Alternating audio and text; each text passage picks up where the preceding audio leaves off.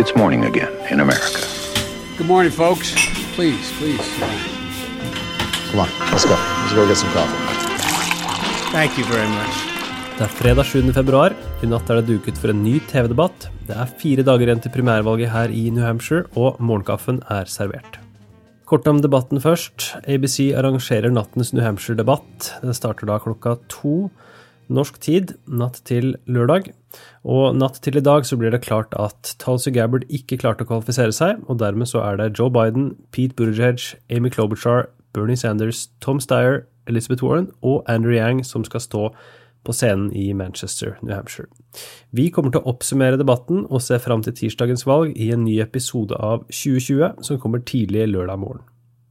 Dagens hovedsak, nye prognoser fra New Hampshire, Nevada og South Carolina gir Bernie Sanders grunn til å smile. Før jeg kommer til det, satt jeg da på første rad i Manchester, New Hampshire, da Bernie Sanders erklærte seier i caucus-valget i Iowa. Bernie Sanders pekte jo da på å ha fått flest stemmer, og kritiserte omtalen av disse State Delegate Equivalents.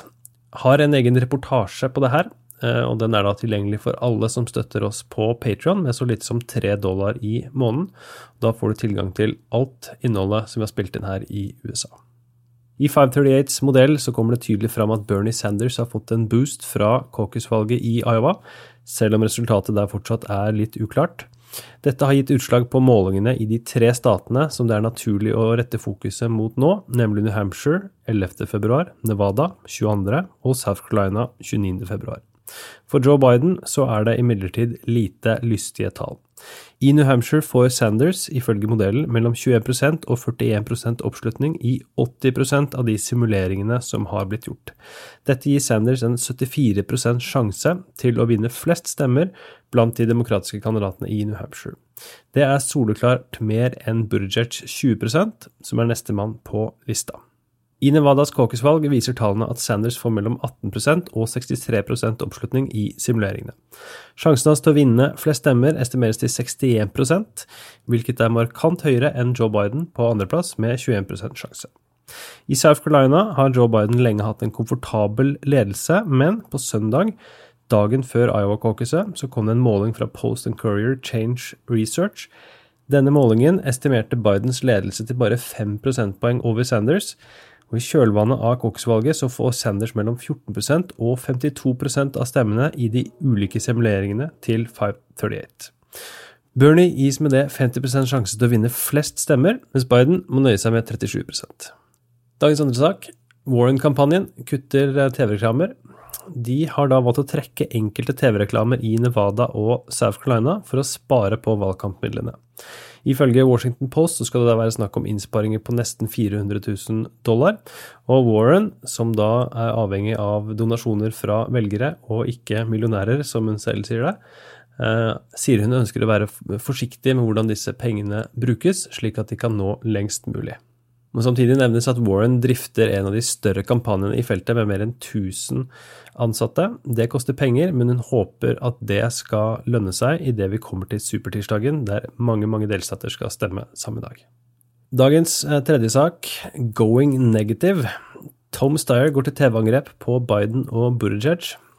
De som har hørt ukas episode av 2020, har nok fått med seg vårt møte med en gretten Tom Steyer i Concord, New Hampshire på onsdag. Og han kritiserte både Biden og Buttigieg i CNNs Town Hall onsdag kveld, og torsdag kveld så ble det kjent at han, at han tar angrepet videre til TV-skjermene. Han omtaler Biden som nok en insider, og omtaler Buttigieg som en utestet nykommer som ikke har erfaringen til å slå Trump på økonomien. Han har booket TV-tid for over 8 millioner dollar denne uken her, inkludert litt over 1 million dollar bare på TV-skjermene her i New Hampshire, men mesteparten, mer enn 5 millioner av de, skal brukes i California, som stemmer da på supertirsdag. We simply can't afford to nominate another insider or an untested newcomer who doesn't have the experience to beat Trump on the economy.